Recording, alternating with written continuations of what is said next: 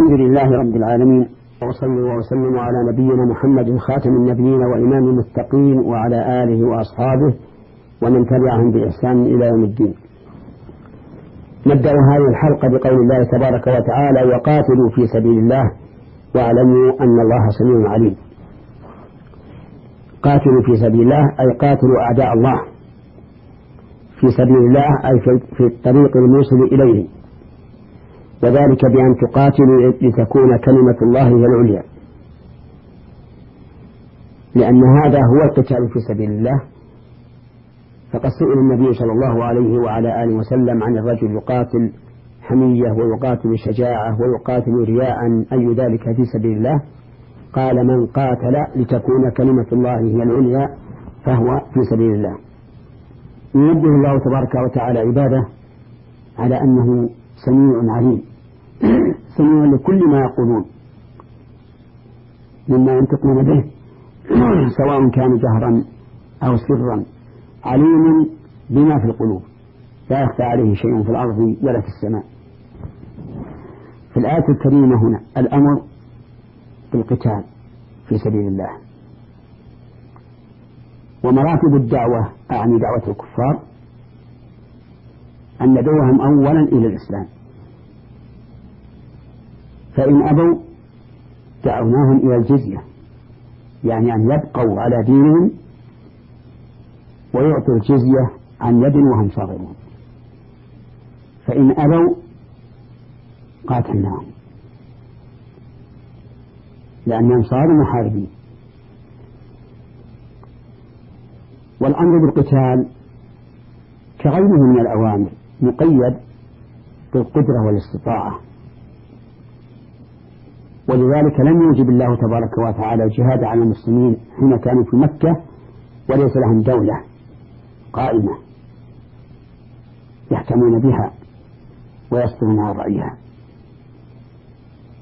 وبهذا نعرف أنه لا ينبغي لنا أن نخوض غمار الحرب حتى يكون لدينا ما نتمكن به من هزيمة أعدائنا.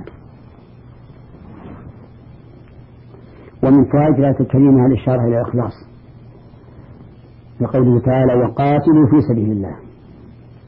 وهو أن يقاتل الإنسان لا ليغلب عدوه ولكن لتكون كلمة الله هي العليا.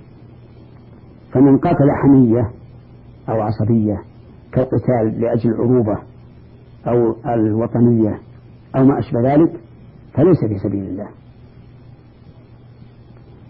الذي يقاتل في سبيل الله هو الذي يقاتل لشيء واحد. أن تكون كلمة الله هي العليا من فوائد هذه الآية الكريمة التنبيه المشرب بالتحذير على سمع الله وعلمه. فإذا علمت ذلك أي أن الله سميع بأقوالك سرا أو جهرا فإنك تحذر. من أن تسمع الله ما لا يرضاه عنك.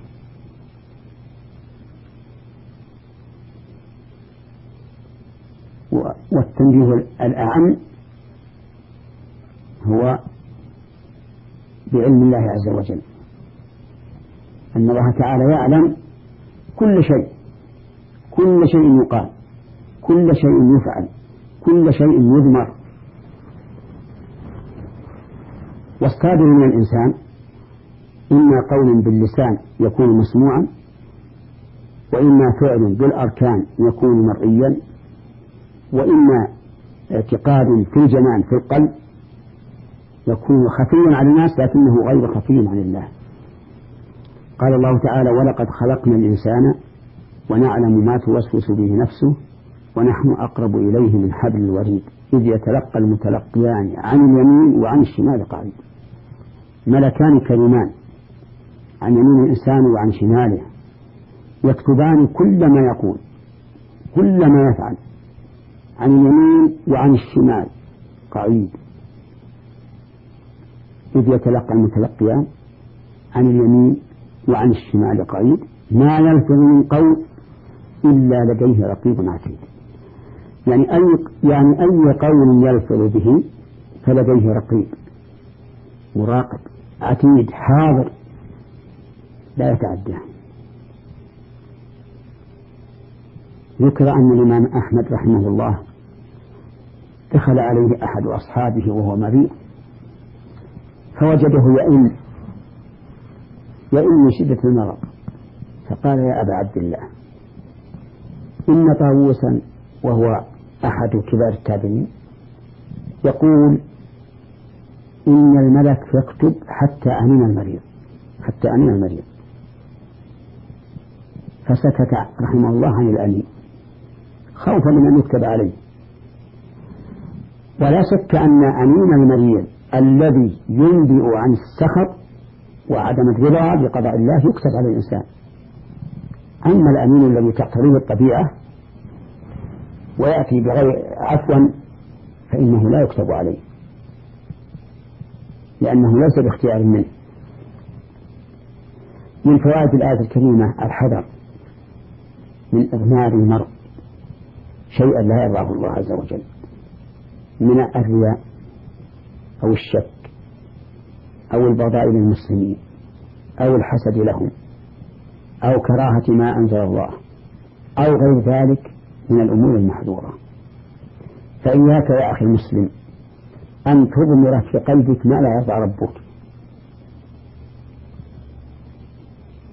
وإن العاقل هو الذي يلاحظ صدع القلب قبل صدع الجوارح لأن الإنسان قد يعمل بالظاهر كل إنسان يستطيع أن يصلح ظاهره. حتى المنافقون يصلحون ظاهرهم.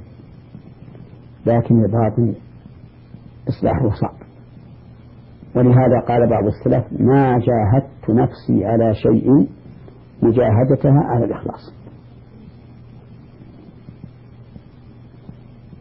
وفي صحيح البخاري أن النبي صلى الله عليه وسلم كان في غزاة في غزوة وكان معه رجل شجاع مقدام لا يدع للعدو شاذة ولا ثابة إلا قضى عليها. وقد أعجب الصحابة به. فقال النبي صلى الله عليه وسلم هذا من أهل النار. أجارنا الله والمستمعين منها. فعظم ذلك على الصحابة. قال كيف؟ وقالوا كيف يكون هذا الرجل الشجاع الذي لا يدع للعدو شاذة ولا فادة؟ كيف يكون أهل النار فقال أحد الصحابة والله لألزمنه. يعني ألازم أشوف في النهاية. فلازمة. فأصيب هذا الرجل أصيب بسهم. والشجاع يجزع إذا إذا إذا أصيب. فكان من جزعه أن سل سيفه ووضعه على صدره ثم اتكأ عليه حتى خرج من ظهره فمات. فجاء الرجل إلى النبي صلى الله عليه وآله وسلم وقال أشهد أن لا إله إلا الله وأنك رسول الله. أو قال أشهد أنك رسول الله. قال قال قال إن الرجل الذي قلت لنا إنه من أهل النار فعل كيت وكيت. فقال النبي صلى الله عليه وسلم كلمة مخيفة تخيف كل مؤمن. قال إن الرجل ليعمل بعمل أهل الجنة فيما يبدو للناس وهو من أهل النار. أجرنا الله وإياكم من ذلك. فالأمر شديد. فاحرص يا أخي المسلم. احرص على تطهير القلب. داوي قلبك كل يوم من كل مرض. وطهر قلبك كل يوم من كل صدى. واذكر قول ربك عز وجل إنه على رجعه لقادر يوم تبلى السرائر. تختبر السرائر. واذكر قول ربك أفلا يعلم إذا بعثر ما في القبور وحصل ما في الصدور. إن ربهم بهم يومئذ لخبير. ثم قال الله تبارك وتعالى إيه نعم. ثم قال الله تعالى من ذا الذي يقرض الله قرضا حسنا فيضاعفه له أضعافا كثيرة والله يقبض ويبسط وإليه ترجعون. هذه الآية لم نتمكن من الكلام عليها في هذه الحلقة ولكننا نتكلم عليها إن شاء الله تعالى في حلقة قادمة فإلى الحلقة القادمة. وفقنا الله وإياكم لمراضيه وجنبنا أسباب سخطه ومعاصيه إنه على كل شيء قدير. والحمد لله رب العالمين وصلى الله وسلم على نبينا محمد وعلى آله وأصحابه ومن تبعهم بإحسان إلى يوم الدين.